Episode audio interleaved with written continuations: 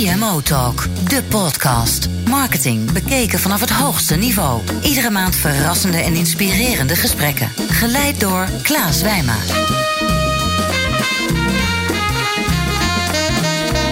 Leuk dat jullie luisteren naar CMO Talk, de maandelijkse podcast voor marketing en communicatie. En het is vandaag een hele bijzondere editie, want we hebben namelijk de zilveren editie.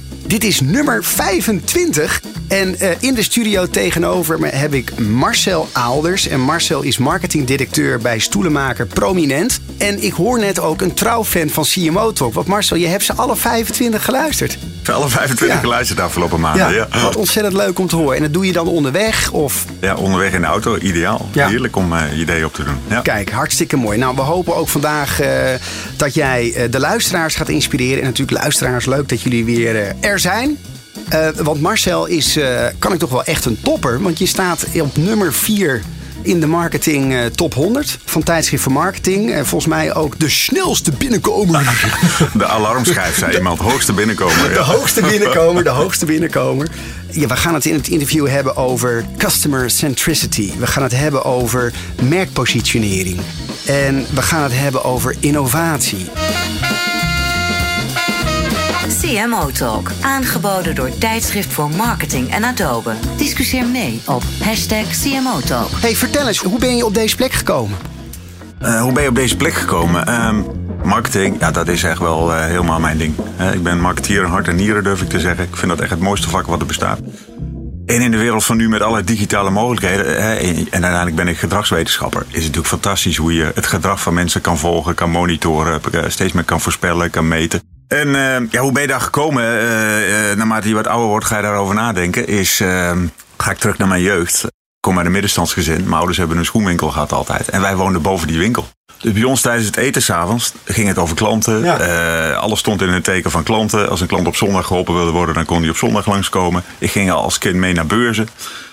Het is zo'n mooi verhaal van Steve Jobs, Connecting the Dots. toespraak op Stanford University, waarin hij zegt: ja, hoe verbind je al die punten in jouw leven? Ja, Dus het feit dat ik nu op mijn 46ste eh, marketingverantwoordelijk ben voor een, eh, een retailer, is niet helemaal toevallig, eh, denk ik dan. Dat is eigenlijk letterlijk met de paplepel. Alleen dat besef je later pas dat dat, hoe dat gaat. Ja. ja. Je bent nu onderdeel van de directie van Prominent. Ja. En voorheen was je zelfstandig. Hè? Je, Ja. eh, je adviseerde eh, merken op het gebied van merkpositionering. Ja. Mhm. Eh, bent ook associate partner bij Altuition. Maar de twee ondernemersbroers achter Prominent hebben jou verleid. verleid om zeg maar toch een beetje het zelfstandige bestaan Ja, op te geven. Hoe hebben ze dat nou voor elkaar gekregen? Hoe hebben ze dat voor elkaar gekregen? Ja, dat is een goede vraag. Want dat was niet mijn bedoeling eh, van tevoren. Want ik had eh, werk genoeg, mooie klanten, ging prima met mijn eigen bedrijf. Maar op een gegeven moment stond ik op het punt dat de vraag kwam van eh, wat wil je? En eh, we hadden een basis gelegd en een hele nieuwe positionering. En toen dacht ik, ja, ik kan wel naar een volgende klus gaan. Maar die wordt nooit zo leuk als wat ik nu eigenlijk al heb. En ik ben echt wel inhoud gedreven. Ik wil nog hele mooie dingen doen. Ik wil vernieuwen, ik wil innoveren. Ik wil echt met mijn vak bezig zijn met een heel leuk team mensen omheen. En dat had ik. En eh, Prominent is niet het allergrootste bedrijf. Mijn vorige klus was ik verantwoordelijk voor online marketing bij Achmea. Heel groot bedrijf. Veel groter kan een tegenstelling niet zijn. Hè? Een hele grote mologe organisatie. Je bent een radertje in een groot geheel. Ik weet niet of ik mag zeggen, maar ja, een bedrijf zonder ziel vond ik het. Ik vond het heel anoniem. En ik kreeg daar steeds meer het gevoel van, nou ja, dit soort grote mologe organisaties, die gaan de komende tien jaar allemaal uitsterven. Dit zijn eh, de dinosaurussen van nu. Grote verzekeraars, banken, ze hebben het allemaal moeilijk. eh, heel ver van de klant af. Ja. En dan kom je bij een kleiner bedrijf, 325 medewerkers, wat volledig gefocust is op de klant. Waar je niet een klein radertje bent, maar heel veel impact kan hebben op een hele nieuwe interessante business. Met een heel mooi team. Ja, eh, veel beter wordt het niet, eh, dacht ik. eh, Want vertel eens, Prominent. Voor de Ja. mensen die Prominent niet kennen. Wat, Ja. wat doen jullie? Het bedrijf is in 1999 eh, opgericht. En echt met de verkoop van stoelen, functionele stoelen voor oude mensen. Uh, platter kan ik het niet uitleggen. Ja. Hè, sta op stoelen. Heel veel mensen kennen ons daar nog van. Daar hebben we ook best wel last van nog in ons imago. Van die advertenties in de Telegraaf volgens mij. ja, achterin de ANB Ja? kampioen. Of tussen, ANWB, tussen de ja. rollators, de trapliften. En daar stonden wij dan ook. Zo, Ja. eh, dat was eh, drieënhalf jaar geleden kwam ik daar binnen. Was dat ongeveer een verhaal. Maar wel heel succesvol. Kijk, we kunnen daarom lachen. Maar Hmm. wel een hele interessante markt. Alleen niet meer zo relevant voor de, ook de senior. Maar ook de jongere generatie van nu. Ja. Dus dat was de opdracht. Ja. Een aantal pijltjes die gingen toch al een paar jaar omlaag. Eh, omzet, leads, traffic, eh, noem maar op. Dus er moest wel wat gebeuren. Dus toen zijn we gaan bouwen. En dat is natuurlijk een mooie uitdaging. Hè? Dus we maken eigenlijk, als je hem helemaal samenvat, de beweging van een hele functionele stoeler, verkoper, naar een heel emotioneel merk. Wat eigenlijk volledig gaat over relaxed leven. En niet meer alleen over stoelen, maar hoe kunnen wij jou helpen om relaxter in het leven te staan? Ja, dat is wel interessant, want je hebt het helemaal niet meer over hoe zit die stoel en wat zijn de functionaliteiten van die stoel. Maar je hebt eigenlijk het, het, het, het domein relaxed geclaimd. We gaan daar straks verder ook nog, uh, nog over doorpraten, Marcel. Ja. Wat ik mooi vind, uh, is dat jij in staat bent om hele abstracte ideeën en principes, waar, waar heel veel marketeers over praten. Hè. Marketeers vinden het altijd wel mooi om, om juist Engelse woorden te gebruiken. Hè, als, als customer centricity en mm -hmm. outside indenken en dat soort prachtige dingen. Ja. Maar om die ook echt in de praktijk te brengen. Dus er niet alleen over te praten, maar echt, uh, ja, dat echt toe te passen. Ja. Wat, is jouw geheim? Hoe doe je dat? Mijn geheim? Uh, ik weet niet of ik een geheim heb. Kijk, wat ik wel probeer, ik weet niet of dat mijn achterhoekse roots ook een beetje zijn, maar wel nuchter te blijven. Hmm. Ik mag wel heel graag door mooie verhalen en opgeklopte dingen heen prikken. En uh, in ons vak zie je die wel heel veel. Ja. Als je kijkt naar seminars, congressen, het zijn toch altijd de grote geëikte merken, campagnes. Hmm. Als je dan een beetje doorvraagt van wat heeft een campagne nou echt opgeleverd in sales, Hmm. krijg je meestal geen antwoord. Ja, het was een mooie campagne, prijzen gewonnen, we hebben heel veel likes verzameld. En dan ben ik wel degene die uh, denkt, ja, allemaal heel interessant. Maar wat heeft het nou echt gedaan? Wat levert het nou echt op? Echt denken vanuit accountability in ons vak, uh, fact-based denken. Elke euro in die je marketing steekt moet bij ons 15 euro omzet opleveren. 15 euro, 1 tot 15. En daar toetsen wij alles aan. Ja. Merkinvesteringen niet altijd, hè, natuurlijk niet. Maar uh, dat is wel een hele belangrijke basis. En ik denk als je als marketeer vanuit dat principe gaat denken... Ja, dan kun je ook aan een directietafel en ook met een directeur sales... Uh, een veel beter gesprek voeren. Ben je uiteindelijk meer een, een salesman dan een marketeer? Nee, ik ben. ik begrijp wel sales. Kijk, ik weet wel waar het voor is. Ja. Je moet wel die taal spreken. Uh, ja. Alleen, ik ben wel iemand die echt vanuit een duurzame positionering denkt. Die ja. uh, vooral wil weten: van zijn wij over drie jaar ook nog succesvol? Nou, je snapt zelf ook, in retail anno nu is dat wel een hele grote uitdaging. Hè? Wekelijks vallen retailers om. Ja. Nou, dat betekent nogal wat. Ja. Je moet jezelf af en toe echt opnieuw uitvinden. En dan moet je af en toe ook even door korte termijn salesdoelstellingen heen durven kijken. Ja. En soms beslissingen nemen die voor de omzet van nu uh, niet altijd heel positief zijn. Toch even tussen neus en lippen door zeggen, nou echt, we hebben de campagnes uh, waarbij we een factor 1 tot 15 moeten halen, maar we hebben ook merk. Ja. En uh, daar geldt een andere verhouding voor. Ja. Waarom? Ja, je moet het wel uit elkaar trekken. Uh, ons budget is ook in, uh, in drie delen gebaseerd. Uh, hè, wij werken volgens het Real Reach Engage Activate Nurture model. Ja. Wacht even, nog ja, een keer. Ga, ik ga een we, gaan, we gaan nu even de, de marketinglingo. Nog ja, één toch, keer. Toch een beetje Engelse, Engelse woorden. ja, ja. Nee, we hebben ons budget wel ingedeeld van wat zijn echt je merkdoelstellingen. Ja. Welk budget hangt daaraan en hoe meten we dat? Wat zijn je engagementsdoelstellingen? Welke KPI's hangen daaraan vast? Wat investeren we daarin? En het belangrijkste budget is nog steeds wel activatie. Is het dan traffic naar de winkel of traffic naar de site? Of... Precies, brochure ja. aanvragen, bepaald webgedrag. En Ja. dat meten wij keihard. Uh, daar zijn we keihard accountable. Elke euro Ja. moet daar uh, 14, 15 euro opleveren. Ja, mooi. Van praktische tips tot visie. Dit is CMO Talk. We gaan naar de eerste stelling. En voor de luisteraars, uh, wij werken met, bij CMO Talk altijd met een aantal stellingen in het interview. En ja, hier komt de eerste. Marcel, het gaat om de inhoud, maar een goede marketeer moet ook van het podium houden. Dat is een mooie. ja, ik hou wel van het podium. Ja. Als jij niet over kan dragen wat jouw visie is en wat jouw bedoeling is en daar mensen niet in mee kan krijgen, eh, zeker in ons vak, het is allemaal niet keihard. Je kan niet alles eh, onderzoeken. Je moet soms een beetje op je buikgevoel eh, vertrouwen en eh, een beetje veel.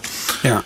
Dus dat betekent dat je wel mensen in je verhaal mee moet kunnen nemen en moet kunnen enthousiasmeren. En dat is wel heel belangrijk. Binnen je bedrijf waar je zit, maar eh, ook buiten. En bovendien is het ook voor jezelf goed, want je leert zelf ook heel veel als jij regelmatig op een podium staat en je verhaal vertelt en feedback krijgt. ja, dat doe je ook Dat regelmatig. doe ik regelmatig. Ja. En het is ook niet alleen maar dus om een prijs op te halen. Dat was recentelijk toch een, eh, een Effie gewonnen. En, En een San. Een San. Ja, ja. nee, natuurlijk is dat leuk, maar Ja. eh, dat, is, eh, dat is natuurlijk eh, eigenlijk heel, eh, heel plat. Ja. Maar echt een goed verhaal kunnen vertellen over jouw visie en hoe jij naar je vak kijkt, dat is iets anders. Ja, Ja. mooi. Hoe gaat het eigenlijk met Prominent?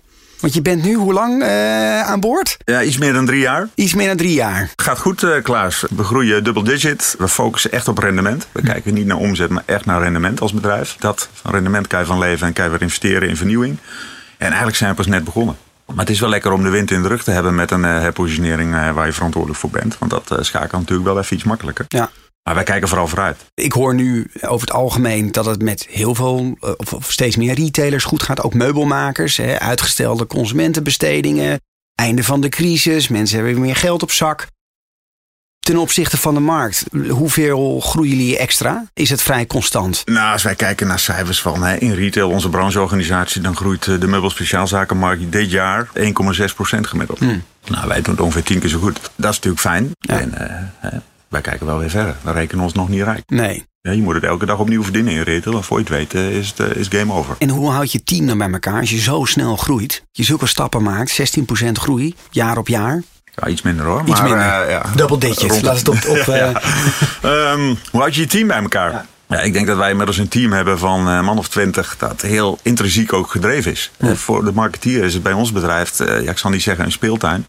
Maar je krijgt heel veel ruimte, we hebben goede budgetten en het ligt soms echt voor het oprapen. We hebben, wij zien continu weer nieuwe mogelijkheden om dat merk beter te laden, om daar dingen omheen te bouwen, nieuwe campagnes te bedenken. En de lat gaat echt steeds meer omhoog. Maar hoe doe je dat dan? Hoe, hoe word je gevoed door die mogelijkheden? Ja, zelf. Dat is denk ik ook de energie die in het team zit. Uh, we werken met hele goede partners. We werken echt met de beste bureaus om ons heen. Dat helpt ook. Hè? Gewoon echt de lat hoog leggen en echt een heel hoog ambitieniveau. Ja, en successen vieren met elkaar. Kijk, het is natuurlijk leuk dat je prijzen wint. Je verkoopt er geen stoel meer door. Maar voor ons als team, en we moeten dat ook echt samen vieren. En daar steken we ook wel energie in. Ja, ja. is natuurlijk wel gewoon gaaf. Ja. En heb je een bepaald selectiebeleid? Dus uh, op het moment dat je groeit, zeg nou, we hebben, uh, ik heb ook meer mensen nodig, meer talent. Heb je een bepaalde aanpak om, om goede mensen aan je te weten te binden? Bij, uh, Even de tips en tricks voor de luisteraars. Bij onze HR-manager hing ooit op, op zijn kamer een mooie spreuk. Die zei, you should hire personality and you can train skills. Ik kijk echt naar persoonlijkheid. en ik heb een paar nieuwe jonge honden en ook dames in het team. Ja, die gaan echt als de brandweer. En die, die worden bij ons echt heel groot. We zijn wat dat betreft voor de marketeer, zeg maar, een medio level, eh, een fantastische uh, volgende stap.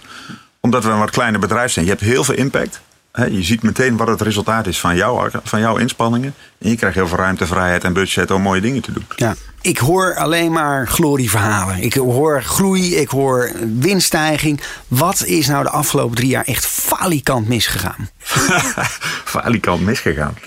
Achteraf is natuurlijk een hele mooie lijn, hè? lijnen omhoog. Wat, ja. uh, dat, maar het is, ik vind het niet echt misgegaan. Maar mm. we hebben best wel heel veel ook strijd moeten voeren intern. Mm. Kijk, het is nu, uh, nu we dit uh, interview doen, is het juli. Nou, dit zijn niet de fijste maanden in de meubelbranche, kan ik je vertellen. Ja. Het is in onze winkels met 30 graden heel rustig. Mensen zijn niet bezig met meubelen kopen en stoelen. Nee. Gaan liever op vakantie en uh, gaan naar de intratuin uh, als het, uh, de zon aanbreekt. Dus dat betekent dat de druk best wel toeneemt in dit soort periodes. Wat ook betekent dat je best wel ook soms ziet dat mensen zeggen... ja, vroeger was alles beter en we moeten terug. En dat bijna je hele strategie en je koers weer opnieuw gechallenged wordt. Dan moet je wel uit blijven leggen van jongens, we moeten niet zenuwachtig worden. Dit zien we gebeuren, dit zijn de feiten. Uh, dit is het seizoensinvloed. Uh, zo ziet het er in Google uit als je een trendanalyse doet. Dus uh, het hoort er gewoon bij. Maar we gaan niet de stap terugzetten zoals Blokker nee. recent heeft gedaan. Nee, ook. En hoe doe je dat dan? Op het moment dat je die signalen oppikt aan het team. Hè, en er zit iemand die al 30 jaar in dienst is. Ik noem maar even wat. Laat hem even Ed noemen. Mm -hmm. En Ed die zegt van ja...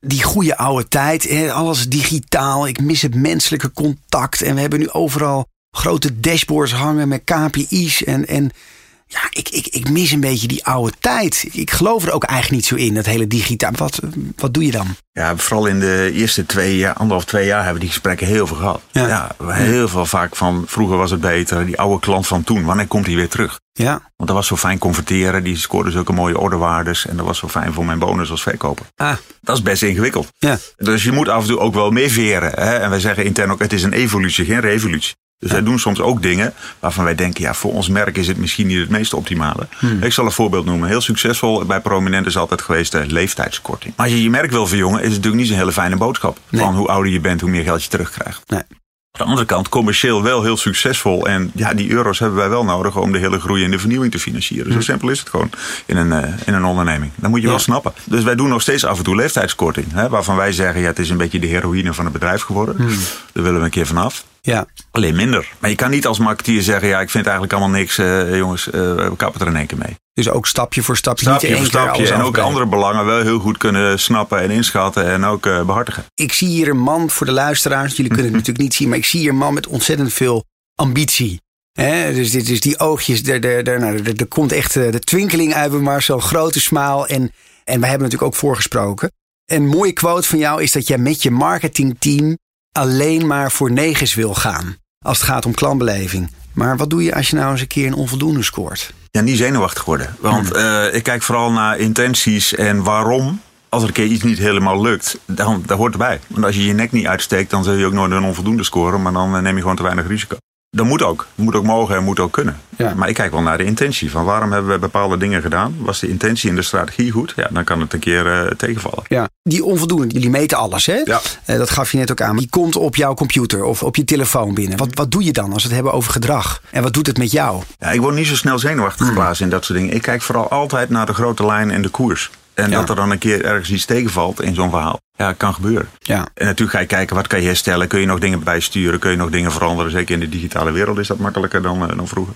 Maar wel altijd vanuit de grote lijn blijven denken. Dus, dus niet zoals veel corporates doen hè, met, met hun webcares. Zeg maar, nou, op een gegeven moment, de grootste klagers krijgen dan heel veel aandacht. Ik heb het ooit eens sociale discriminatie genoemd. Hè? Dus je hebt veel fans op social media Ja. en het is een keer negatief. Dan bop, dan springen ze erop. Ja, Jij laat je niet gek maken. nee, precies. Pak je die case dan ook niet op? Dus- Natuurlijk, gebruik je wel. Ja. En dan ga je wel wat mee doen. En dan, dan komt het ook echt wel op de MT-agenda bij ons. Ja, ja. Maar wel vanuit een strategisch perspectief. Van praktische tips tot visie. Dit is CMO Talk. Jullie hebben net een uitgebreid merkpositioneringstraject achter de rug. Waarbij je net al in de introductie even kort aan refereerde. Namelijk dat jullie het hele domein relaxen claimen. Wat ga je nu echt anders doen ten opzichte van het oude prominent? Nou, ik zei al, de beweging die wij maken is van functionele stoelen. Dit is een stoel. Wij verkopen stoelen met functies. hè, Verstelbaarheid, rug. Super comfortabel. Daar staan wij ook onbekend. Stoelen van ons zitten echt fantastisch. Alleen in het verleden, ze zagen er niet uit. Dus wij maken, eh, dat was ook de titel van eh, de FI en de Sandcase, van moeten naar willen. In vier woorden, en daar hou ik van. Dat je een hele positionering in één zinnetje in een paar woorden kan samenvatten. Want dat geeft focus en vandaar kom je op ideeën. Ja, Dus wij verkopen niet meer een stoel omdat je het moet. Omdat je last hebt van je rug. Omdat je moeite hebt met opstaan om, eh, vanwege beperking. Maar omdat je vanuit luxe. Een beloning voor jezelf. Een plek voor jezelf na een leven hard werken. Of eh, tijdens een leven hard werken. Ik heb er zelf ook twee eh, nu. En dat is wel een hele andere beweging. Dus het gaat uiteindelijk, natuurlijk gaat het om dat product. Maar het gaat eigenlijk om de betekenis van het product. En wat doet die stoel voor jouw leven? ja. En dat in een wereld waarin de stress toeneemt, steeds meer jongeren met burn-outs kampen, het continu oorlog is, we grote instituten niet meer vertrouwen. De wereld staat ergens in brand. Hoe lekker is het dan om jouw eigen plekje in huis te hebben waar je af en toe jezelf even kan terugtrekken met een boek, met je iPad, even helemaal niks. En eh, intern zeg ik wel eens, hè, eh, wij worden de rituals van de meubelwereld. De rituals van de meubelwereld. Vertel. Het gaat dus ook bij rituals. Die zeggen ook niet van eh, dit is doucheschuim X met vitamine C, D, E, eh 10 in het kwadraat complex. Hè, maar het gaat veel meer om wat doet dit voor jouw leven. En maakt van zo'n alledaagse gebeurtenis een heel fijn ritueel voor jezelf. En mensen begrijpen dat ook. Dus, dus we hebben het dan weer even over Ed. Die al wat langer bij Prominent mee, eh, Mhm. eh, meegaat. Vol vuur presenteerde je dat verhaal. Ja. Hoe, hoe landde dat intern? Ja, niet meteen. Alleen wij zitten nu. Nu merk je wel, hè, nu we dat woordje relax. eh, Een van de basis positioneringsdingen, hè, kan je één woordje claimen. Ja. Wij claimen echt dat woordje relax. Dat gaat nu landen. Dus we hebben nu intern nog gezegd, er loopt een heel veranderprogramma ook, dat klantenservice moet ook compleet relaxed zijn.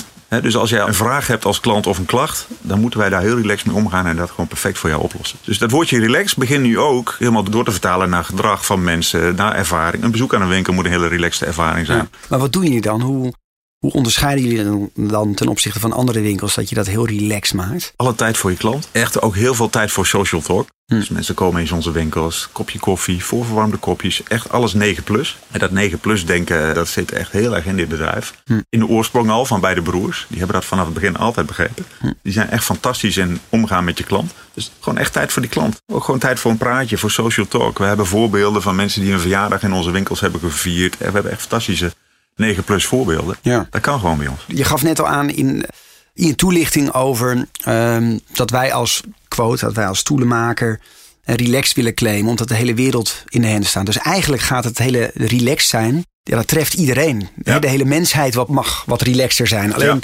Ja. hoe zie je dat dan? Want toch, jullie, jullie stoelen zijn toch wel echt premium gepriced. Ja. Zijn, hebben jullie ook plannen om die markt toegankelijker te maken voor, voor Nederlands? Ja. Kijk, waar we nog niet over hebben gehad, is dat wij nu ook een internationale toekomst voorbereiden. Dus wij denken dat het in heel veel landen een hele relevante is. In een meubelmarkt die nog vrij traditioneel in elkaar zit, hè, we wel wezen, denken wij dat daar heel veel kansen liggen. Hmm. Dus eh, wij kijken heel erg naar de, de autowereld. Hè. Mercedes vinden wij een heel mooi voorbeeld A van een merk dat zichzelf echt behoorlijk opnieuw heeft uitgevonden. Dat nu echt veel meer als platform gaat denken. Echt een hele grote verandering aan het doormaken is. Wat doen ze dan al- als platform, denk? Ja, Mercedes, net als heel veel andere merken ook. eh, Mercedes Me is een interessant eh, programma bij hen. Die zegt, die auto wordt straks een platform. Niet alleen maar meer een auto, maar daar gaan we heel anders naar kijken. Dat zou voor ons ook interessant kunnen zijn. Ik noem even heel, misschien een heel gek Noem, noem voorbeeld. eens een voorbeeld, ja. Als het om innovatie gaat, zou je, even hypothetisch kunnen zeggen, wij gaan die stoelen helemaal met sensoren uitrusten. Hè? Wij zitten natuurlijk in de wereld van de runkeepers, de apps, die jou continu aansporen, beweeg jij wel genoeg? Het omgekeerde is ook heel relevant. Wat wij kunnen doen is zeggen, uh, ontspan jij eigenlijk wel genoeg? Doe jij wel genoeg niks in het leven? Ja. Je ziet het in de topsport, hè? de Tour de France win je s'nachts. Eh, door uit te rusten, jezelf op te laden af en toe, af en toe even niks te doen. Nou, wij zouden bij wijze van spreken stoelen kunnen maken met sensoren. Die zeggen, je mag er pas uit als je hartslag onder de 80 zit. Noem maar even wat. En dan, en dan uh, de, de boeien en je mag wat ze gaan pas los als je ontvangt. Nee, nee, dat lijkt me niet de goede associatie. Maar even uh, qua denken, dat die stoel een platform wordt die jou helpt om relaxed te leven. Met allerlei content daaromheen, allerlei uh, dingen. Dat is helemaal niet gek gedacht. En niet gek gedacht of echt een pijler in jullie strategie? Zeg maar dat wellness, dat personal well-being noemen wij dat even in Engels woord, ook internationaal straks. Vinden wij een heel interessant domein. Want wij zien dat er een hele grote groep nieuwe consumenten, dat zijn niet meer die senioren van vroeger die we hadden, ook. Hmm. Maar ook jongeren die zeggen, nou, dit is eigenlijk wel heel lekker. He, er is een hele grote groep mensen die, die best veel geld besteden aan de sportschool, aan wellness, aan, uh, aan gezond eten steeds meer. Maar die jongeren die kunnen toch geen stoel van 1000 euro betalen, Marcel? Dan denk je, oh man, ik heb een startersalaris. Ja. Die hypotheek is al zo hoog. Nee, dat is natuurlijk ook wel zo. Kijk, uh, bij ons begint het ongeveer 800, 900 euro voor een hele goede, fijne stoel. En die kan je vervolgens helemaal tweaken, personaliseren. Ja. Belangrijk begrip eh, in onze strategie. Tot aan uh, hoe gek je het wil hebben, net als bij auto's. Maar, maar jullie hebben niet een, een, een plan die zegt van nee, ik wil ook zorgen dat er een soort van low entry stoel gaat komen voor die, uh, ja, voor die specifieke Veel verder onder dit prijsniveau, 7, 8, 900 euro zal het, uh, zal Zou het niet gaan. Dat, dan kunnen wij ook niet meer de kwaliteit leveren uh, die wij willen. Van praktische tips tot visie. Dit is CMO Talk. We gaan naar de tweede stelling, Marcel. Veel bedrijven hebben een te obsessieve focus op de Net Promoter Score. Goeie vraag. Ja en nee, denk ik. Kijk, van de ene kant denk ik inderdaad, je moet het ook niet heilig verklaren. Hmm. ik heb het ook in een van de andere talks gehoord. Voorkomen is ook beter dan genezen. Je wil eigenlijk soms ook voorkomen dat die klant jou nog moet bellen met een vraag of een klacht. En zodat je een hoge NPS kan scoren omdat je dat contact zo goed hebt opgelost. Eigenlijk wil je eh, dat al voor zijn. En, eh, en, die NPS voor zijn. Van de andere kant heb ik gemerkt bij ons ook. We zijn 2,5 eh, jaar geleden echt begonnen met NPS denken. Hmm. Dat dat vooral ook intern heel veel focus geeft. En niet door dat cijfertje heilig te verklaren. We zitten nu op een rond de 40. Maar dat geeft wel een heel andere mindset. Om die klant echt serieus te nemen. Klachten echt goed op te lossen. Want wij waren wel echt een heel sales eh, georiënteerd bedrijf. Soms iets te. Ja. iets te veel op de korte termijn. En wat wel interessant is, en eh, die vind ik als merkstratege echt heel erg leuk, is dat wij eh, de NRS hebben ingevoerd. NRS? De NRS, de, Net Relaxness Score. Oh, hoe weet je dat? Als wij zeggen dat relaxen echt de ultieme benefit is, onze echte merkbelofte is, dan wil ik ook gewoon weten, klopt dat? Ja. Ik zei straks iets over, over mijn motto. Moet het ook kloppen? Dus wij stellen elke klant twee vragen. Is jouw leven echt wat relaxter geworden mhm. nu je die stoelen van ons hebt? Dat is één. En twee is, hoe heb je ons in al onze touchpoints ervaren als bedrijf? Ja. Was het relaxed om bij onze stoel te kopen, een vraag te stellen, uh, de, de belofte, de benefit en het proces? Ja, dat vind ik een voorbeeld van ultiem merkdenken en rondmaken. Ja, mooi. Mooi voorbeeld. Um, je bent dus behalve een, een marketeer ook een strateeg. We hadden het net al over, uh, over sales. Maar als we dan hebben puur over de essentie van, van strategie. Wat, hoe definieer jij een inzicht? Hoe, hoe kijk je daar tegenaan? En, en hoe onderscheidt je een goed inzicht van een slecht inzicht? Ja, een goed inzicht uh, moet vooral heel simpel zijn. Simpel maken. En dat is gelijk ook het moeilijkste hè, in positioneringstrajecten. Maar ook wat ik altijd het allerleukste heb gevonden is... Kijk, een van, als ik even terug mag, een van mijn mooiste klussen... ik begon toen net mijn eigen adviespraktijk... was uh, de herpositionering van Monuta, uitvaarten. Dan denk je als marketeer, jee, wat moet ik daar? Ja. Fantastische wereld waarin beleving, betekenis uh, super belangrijk zijn. En, ja, en uitvaart die heeft één, één grote uitdaging, die kan je nooit overdoen. Hm. Moet in één keer goed. goed. En wat wij daar zagen, en dan sla ik hem helemaal plat, is uh, dat bedrijf staat heel erg op operational excellence. Hm. Uh, even heel flauw gezegd, als de koffie maar op tijd geserveerd wordt en de cake uh, klopt en alles goed gaat, dan scoor je een 7,5. We hebben daar een herpositionering bedacht die tot één zin was terug te voeren. elke uitvaart is het begin van een mooie herinnering. En dat ene zinnetje gaf een hele andere beleving bij de, de dienstverlening, je zorg, bij je marketing. Ja. Je bent veel meer een herinnering maken. Dus de eerste vraag van uitvaartverzorger was niet Wilt u eh, begraven of cremeren? Nee, hoe wilt u dat uw vader herinnerd wordt als hij er niet meer is? Welke herinnering gaan wij bouwen? Ja. Klinkt heel simpel, maar dat is echt een mega verandering vanuit één zinnetje. Dat vind ik echt het ultieme van positioneren. En een inzicht. En een inzicht. Een goed inzicht. Want dat is waar die klant eigenlijk echt, waar het echt om gaat. Ja, Als je dan kijkt, want eh, die, die, die marketingstratege, ik hoor die, eh, die hartslag omhoog gaan hier in de studio. Ehm, wat maakt nou een slecht inzicht? Te weinig vanuit betekenis, te operationeel. Hmm. Of uh, te veel vanuit misschien wel uh, je eigen inside-out doelstellingen, sales, marketing doelstellingen. Daar gaat het eigenlijk niet om. Ja. Een echt inzicht begint echt bij die emotie van die klant. Ja. Wat, hoe maak jij het leven van die klant leuker, rijker, makkelijker? Daar begint het. En het klinkt zo makkelijk. Hè? Ja. Dus toch wel even heel naar het begin van het interview. Het outside indenken. Mhm. Dat is een prachtig begrip. Het klant centraal denken. Maar voor de luisteraars die nu luisteren. Die zitten in de auto of in de trein of op kantoor naar dit interview te luisteren. Ja nee, ik moet ook van mijn baas meer outside indenken. Waar begin je? Waar het begint is, ja, dat is echt een heel groot cliché, is echt met die klant praten, mee. Mhm. Ik weet, mijn mensen bij Monuta toen, die gingen gewoon mee met een uitvaartverzorger. Ik ben het ook gedaan. Ik ben gewoon drie dagen meegegaan. Hm. Ga in winkel staan, praat met klanten en vraag vooral ook door. Zorg dat je die beleving, die wereld van die klant echt snapt en weet wie die klant is. Praat met verkopers, praat met mensen die klantcontact hebben. Ga meeluisteren met je klantenservice. Het is eigenlijk niet zo ingewikkeld. Dat is niet zo ingewikkeld, maar binnen marketing nog niet uh, echt de standaard. vaak. Nog niet de standaard. Maar wie weet, na dit interview. Ja. Je hebt als motto: Don't tell me you're funny, tell me your joke. Heerlijk. En ik ga je natuurlijk nu niet om een mop vragen, Marcel. Maar wa- wat is nou de leukste dienst die je ooit hebt bedacht? Ik vertelde, ja, ik vind het toch weer een mooi voorbeeld iets over die Monuta-case. Eh, een Ja. van de dingen die uit die inzichten kwam, is dat wij een heel online gedenkplaatsplatform hebben gebouwd. Hm. Ik ben ook wel een digital eh, denker. Dus eh, die betreffende uitvaartverzorger, die kon met een aantal drukken op een knop, kon die een soort online gedenkplaats voor de overledene inrichten. Waarbij je heel veel dingen aan kon koppelen. Hè? Heel veel betekenis voor die klant. Maar eerlijk is eerlijk, eh, ook voor de marketeer heel fijn. Want eh, daar kon je natuurlijk ook wat van jezelf laten zien. Ja. Wat van je diensten aankoppelen. Ja. En nu bij, eh, bij Prominent, Prominent. hebben we een heel eh, contentplatform gelanceerd over relaxen. Mhm. Levert niet direct sales op, hè? erg vanuit klantbetekenis, maar een heel platform online. We hebben weer relaxen.nu met allerlei tips om relaxen te leven. Body, mind en living zijn daar de thema's. En daar gaan wij heel veel content eh, voor creëren. Handige tips, mooie weetjes. Hoe kan jij relaxter gaan leven en wat kunnen wij voor jou betekenen als klant? En hebben we het dus nog helemaal niet over verkoop van stoelen. Dat komt daarna wel een keer. Ja. En wanneer maak je dan die stap naar ja, toch meer de transactie? Of die conversie? Ja, Hoe dit, zie je is, dat? dit is echt ultieme verleiding van die klant. En Ja. daar zit eh, bij Prominent onze grootste uitdaging. Hm. Hè, we hebben nog best wel last van ons oude imago van eh, stoelen voor bejaarden. Ja. Dat is niet zomaar weg. Nee. Daar hebben we miljoenen euro's ingepompt eh, in het verleden. Dus ja, dat, dat heb je nog. Dus wij moeten nog heel veel mensen, zeker jongere generaties, laten zien van... hey, eigenlijk wel een heel interessant product, ook voor jou. Binnen een levensstijl die je misschien nog wel veel grager wilt dan je nu hebt. Mooi. Waar ben je op dit moment het meest enthousiast over? Is er iets nieuws waar je nu mee bezig bent? Of wat je hebt gezien? Waar je echt helemaal op aangaat? Nou, wat ik echt gaaf vind in ons vak is, eh, ik zie heel veel merken die steeds meer op een eh, mentality, op een mentaliteit gaan zitten. Hmm. Dus die niet meer vanuit hun product denken of vanuit andere dingen, maar echt zeggen, wij, wij claimen een andere mentaliteit. Hè, Nike, vind ik een fantastisch voorbeeld. If you have a body, you're an athlete. Wij helpen jou om sportiever te leven. Ja. Dus Nike zegt niet meer van, als je onze schoenen koopt, ben je ook een beetje Michael Jordan. Ja. Die tijd is wel een beetje geweest, volgens mij. Ja. Maar wij helpen jou echt om actiever te gaan leven. Met eh, onze schoenen, maar ook met tools, met apps, met functies daaromheen. En dat vind ik echt wel heel gaaf. Ja. Eh, In de auto-industrie zie je dat nu veranderen. Eh, Je ziet heel veel markten. En ik denk dat hè, merken die een transformatie kunnen claimen, jou kunnen helpen, echt helpen, vanuit eh, echte motivatie, dat zijn de succesvolle merken van nu. Als je teruggaat naar, nou wat is het, 40, 38 jaar geleden. En je ziet jezelf weer zitten aan die, eh, aan die tafel met je ouders boven de schoenenzaak. Wat is de les wat je toen op hele jonge leeftijd hebt geleerd en wat je nog steeds in je hart meedraagt? Echt vanuit die klant denken en eigenlijk alles voor die klant doen. Ja, dat, dat klinkt als een open deur, hè?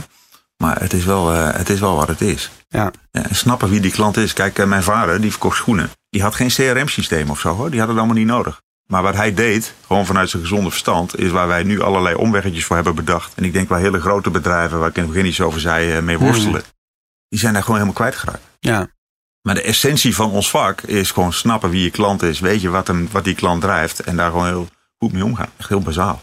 Alleen, eh, dat zijn we een beetje vergeten, denk ik, de afgelopen tien Ja. jaar. We zijn te veel met onszelf bezig geweest binnen heel veel. Terug naar de klant, terug naar de essentie van Echt terug marketing. naar de essentie van ons vak. Ja. Marcel, ik eh, Ja. wil je bedanken voor je tijd en je komst naar de studio. Want de tijd die vliegt. En luisteraars ook.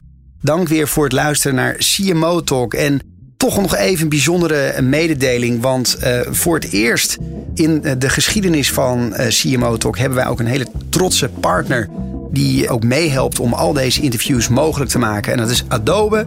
Daar zijn we heel erg blij mee. En heb je vragen over nou, dit interview? Je kan mij, maar uiteraard ook Marcel bereiken op LinkedIn, via de mail, op Twitter, wellicht nog op Facebook. En dat kan ook via de hashtag CMO Talk. Tot de volgende keer. Dank voor het luisteren naar de CMO Talk podcast. Ga voor meer afleveringen naar cmotalk.nl. CMO Talk wordt aangeboden door Tijdschrift voor Marketing en Adobe en is ontwikkeld door Energize en voicebooking.com.